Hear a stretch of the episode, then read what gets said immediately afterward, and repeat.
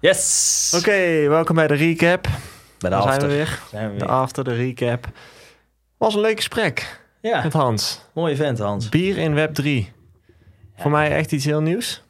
Jij eh, hebt het al een keer gedronken, ik nog niet. Maar, Ja, ik was op de Dutch Blockchain Week. Mhm. eh, op uitnodiging van Rudolf. Eh, zij zijn van BCNL, Blockchain Nederland. Mhm. En dat is echt een... ja, wat is het eigenlijk? Een groep toch? Ja, een groep, een community die, community. eh, die al jarenlang... is het volgens mij echt een van de, de bekendste in Nederland... allerlei bedrijven bij aangesloten zijn. En ehm, ze hadden ook een soort afterborrel van de, de Dutch Blockchain Week. was heel de week, allerlei events, allerlei activiteiten. En ehm, ja, daar was Hans ook met zijn eh, Copernicus beer. Ja. En ik, ik zat het te drinken en ik hoorde het. En ik hoorde het ook maar deels, want het was best rumoerig en gezellig. Maar eh, ik Ja. dacht, ik moet eh, Hans nog eens even een keer eh, vragen. Ja, wat ik vooral aan zijn, aan zijn verhaal en product interessant vind, is waar je dus eigenlijk tegenaan loopt als je zoiets wil gaan opzetten. Dus dan, dan merk je toch echt wel dat je nog in, in, in een wereld leeft die gewoon nog niet helemaal klaar is voor die technologie. Als in regelgeving en zo en belasting en, en hoe noem je dat, entiteiten. Je, je loopt tegen zo'n basisdingen aan van... Je wordt echt uitgedaagd om te denken van... Oké, maar hoe kunnen we dit nu anders gaan doen? Of hoe kunnen we dit anders benaderen? Eh, en daar, ik merkte ook in het gesprek dat ik soms echt even moest puzzelen van... Oh ja, maar Hersengymnastiek. ja, echt. Het echt Ja. zo even zo'n hersenkraker. En eh, heb ik afgelopen jaren wel vaker gehad. Maar dit was wel echt weer zo'n moment dat ik dacht... Hè, maar hoe zit dat dan? En Ja, je ziet denk ik, ehm, tenminste ik denk dat een beetje te zien dat in... Als je een soort van zou markeren, hè, Web 3, waar is het begonnen? Ehm, dan, dan, dan ligt het begin eigenlijk denk ik toch wel in de uitvinding van blockchain technologie. Eh, en van daaruit, is natuurlijk heel technisch. En toen is de ontwikkeling een beetje gegaan naar DeFi, Decentralized Finance. Eh, met alle vage start-ups die, die op de wereld kwamen. Eh, afgelopen twee jaar ging het heel erg over NFT's. Veel meer de creatieve kant kwam er denk Ja. ik bij. En ik denk, dit stuk waar Hans heel erg eh, in aan het experimenteren is... en dan zit je meer in die DAO-hoek, hè? Ja. Decentralized Autonomous Organizations. Gedecentraliseerde autonome organisaties. ja, dat zijn eigenlijk zo te vergelijken met de huidige... De VVE die we kennen. Verenigingen, Ja. voetbalclubs. Precies. ehm, Je hoe- krijgt, je krijgt een stemrecht in, Ja. een, in een clubje. Ja. Ehm, maar dat op een blockchain. En dan loop je dus tegen allerlei dingen aan van...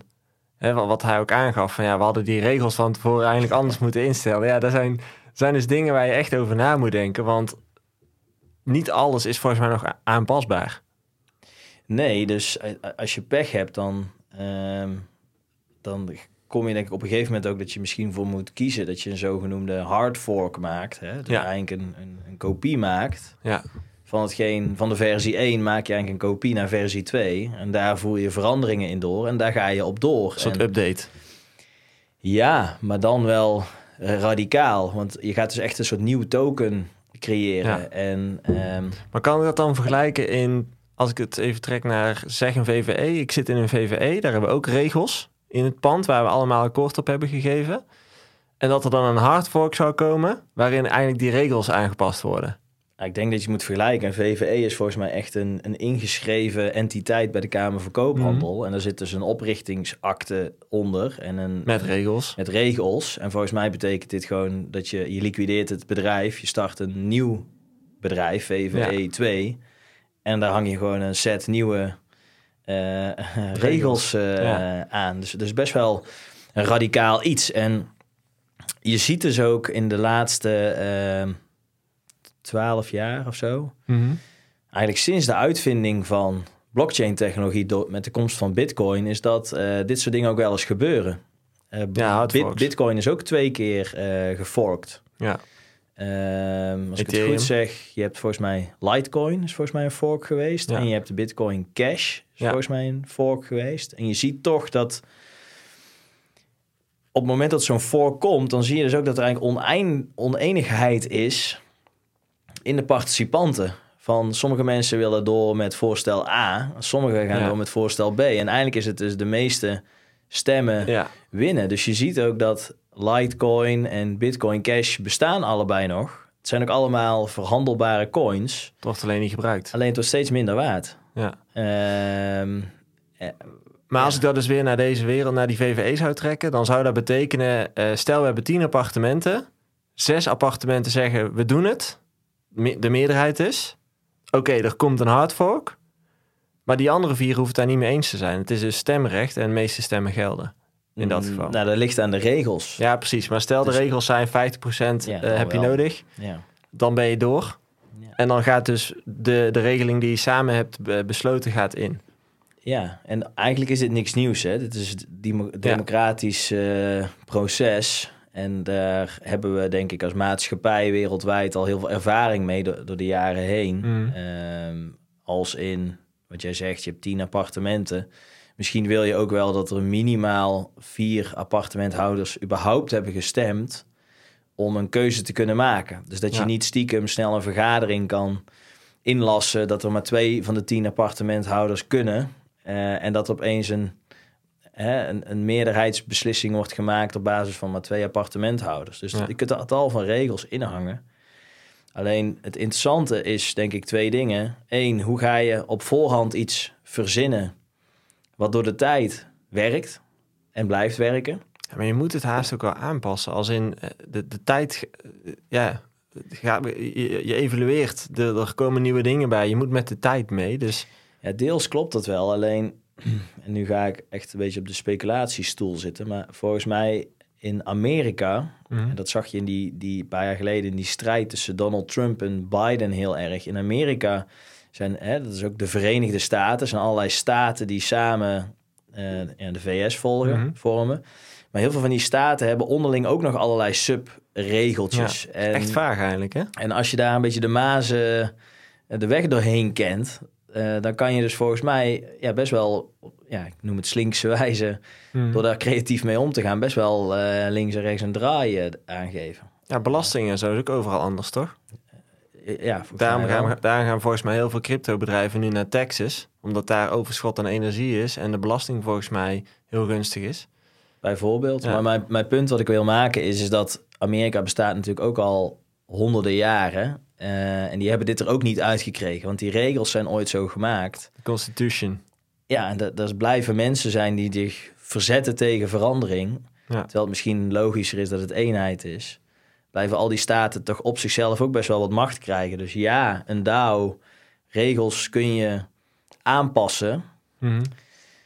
Ehm, maar dan moet wel de meerderheid, of in ieder geval afhankelijk van Tuurlijk, de regels ja. die gesteld zijn, moet daarin meegaan. Tuurlijk. Maar ik geloof wel... Maar stel je voor, hè, ik, Mhm. Ehm, je hebt zo'n set regels opgesteld. Ehm, maar je project verliest populariteit. Veel mensen verlaten het project. Dus het project is eigenlijk stervende.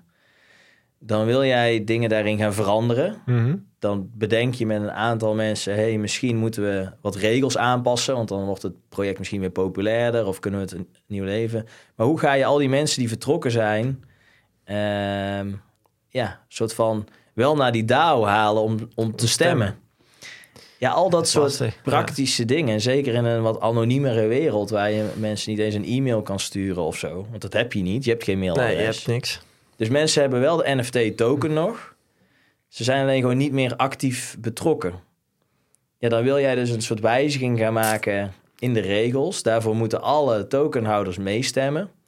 Je zou kunnen in- inbouwen dat als iemand eh, zes maanden inactief is geweest, dus of één of twee stemrondes over heeft geslagen, dat die eh soort van eh, geblokt wordt. Of Precies, maar over al dit soort dingen Ja, moet, moet je dus nadenken. gaan, gaan nadenken. Ja. En hetzelfde zie je denk ik ook in, in sommige NFT-collecties. is dat de, de waardeontwikkeling van zo'n collectie werkt prima in een bull market, dus in een stijgende markt. hmm. Wanneer er continu nieuwe participanten zijn. Maar dat zo'n model bijvoorbeeld stopt met functioneren op het moment dat, het, dat er weer in een bear market eh, Neerwaarts komen. gaat. Ja, Nou, bij Bitcoin zit bijvoorbeeld in dat mechanisme zit de difficulty adjustment. ja. Dus eh, moet je misschien even uitleggen. ja, ik denk niet dat ik dat nu kan Nou, dat is best makkelijk, toch? Nou, ja, dus het, hè, miners worden beloond ehm, Om een som op te lossen. om sommen op te lossen. En als de populariteit van het netwerk afneemt, als ik het goed zeg, dan worden de sommen eigenlijk makkelijker, waardoor je ja, Is het aantrekkelijker? ja, waardoor het, het aantrekkelijker wordt om mee te doen. Dus Ja. de kans dat je de beloning pakt is dan groter. Eh, Ja. Dus gaan weer meer mensen meedoen. En zo, zo probeert dat algoritme een soort van balans te vinden... in dat het zowel in stijgende markten als in dalende markten... interessant blijft om deel te blijven nemen. Ja. In Ethereum zit volgens mij een deflationair eh, karakter... waardoor er elk blok ook een deel van de ETH verbrand wordt. Ja. Waardoor er dus ook weer meer schaarste ontstaat. Dus je moet erover nadenken hoe dat, dat werkt. En dat is in, in DAO's, in organisatiestructuren, eh, niet anders. Dat is, is, is maar dit wel dan, super complex. Ja, is dit dat tokenization deel? Eh tokenomics. Ja, tokenomics, is dat, is dat dit ook? Eh, Zou daar misschien wel Deels, onder vallen, ik. maar... ja.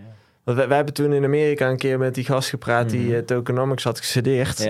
Nou, ik had echt het idee dat ik met een gast uit een andere planeet zat te praten. Die zat echt even acht levels dieper dan, dan ik. ja, ik denk dat tokenomics gaat meer over het, economie, ook een, e- zo, over het economische Economisch, deel. Dus het, het is eigenlijk hoe ontwerp je zo'n mini-economie binnen, Ja. binnen een project.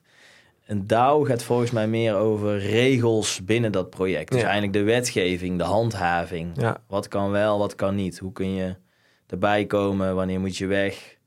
Hoeveel macht Hm. of invloed heb je op bepaalde keuzes? toch zou het niet gek zijn als je daar... Want zoiets kristalliseert zich wel uit gedurende de tijd. Hè? Eh, net, zo, net zo goed als dat je nu standaard contracten hebt voor VVE's, voor voetbalclubs. zijn gewoon standaard agreements te vinden die in de basis 80, 90 procent al kloppen. En dan is er 10 procent misschien nog te customizen. Ik denk juist in, in, overeen, in hele simpele overeenkomsten, die kan je denk ik heel makkelijk eh, Ja, maar als het echt hierin custom vangen. wordt, dan wordt het eh, gewoon een uitdaging, denk ik. En misschien ligt daar ook wel de toekomstige rol nog voor notarissen. Dus dat je zegt van ja, ben jij een voetbalclub, amateurvoetbalclub in Nederland, waarvan we er heel veel hebben. Ja, Die zitten allemaal op dezelfde leest eh, om en nabij aan, eh, aan, aan setup. Hè? Ja, dan heb je daar misschien een soort DAO-template voor met, met, Ja. met regels die door de tijd beproefd zijn. En waarvan we weten, dit is een goede basis. Hetzelfde zou je misschien voor een VVE kunnen zeggen. Of een, een stichting Ja. voor, eh, voor goede doelen. dat bedoel ik. Want stel jij bent dus een voetbalclub, dan kun jij... ehm, je wil een template aanmaken. En dan kun je dus eigenlijk gewoon door middel van een paar multiple choice vragen van Ja. hoeveel leden heb je? De 100, 200 of 500 plus. Klik, 500 plus. Eh, hoeveel mannen, vrouwen, hoeveel dit, dat, zus, zo. En al die keuzes worden in dat template aangepast. En dan rolt er gewoon een standaard contractje uit. Bestaat nu volgens mij ook al gewoon voor... eh, Ja, dit soort dingen zijn in de ontwikkeling. Alleen, en ik weet daar niet voldoende van, maar volgens mij zit de uitdaging vooral nog in de, in de praktische real-life. ehm, eh, wat is nou precies de juridische dekking, hè, Ja. wat Hans eigenlijk ook aangaf van zo'n DAO? Het is nog niet echt dat je bij de Kamer van Koophandel volgens mij eh, jezelf kan aanmelden en kan zeggen ik ben een DAO. Dus Nee. kom jij in een, in een, in een conflict waarbij het, het wetboek erbij wordt gepakt, gaan ze Wie is zoeken, staat, staat daar een DAO in? Nee, er staat geen DAO in. Dus dan gaat een rechter mogelijk, en hi- hier zit dus al het probleem, hier ontstaat eigenlijk de onduidelijkheid en dus de, de slippery slope. Dan gaat een rechter misschien wel kijken en zegt van ja, maar waar, waar lijkt dit gedrag op wat, wat ik hier zie in die DAO? En dan, hè, als ik Hans eh, zijn, moest geloven, dan is een denkrichting dat zo'n advocaat of een, een rechter zegt van een DAO is eigenlijk een soort ehm, onofficiële VOF. ja, Met een vennootschap eh, onder firma. zonder firma. Ehm, maar in ieder geval, dat betekent dat je dus persoonlijk aansprakelijk bent.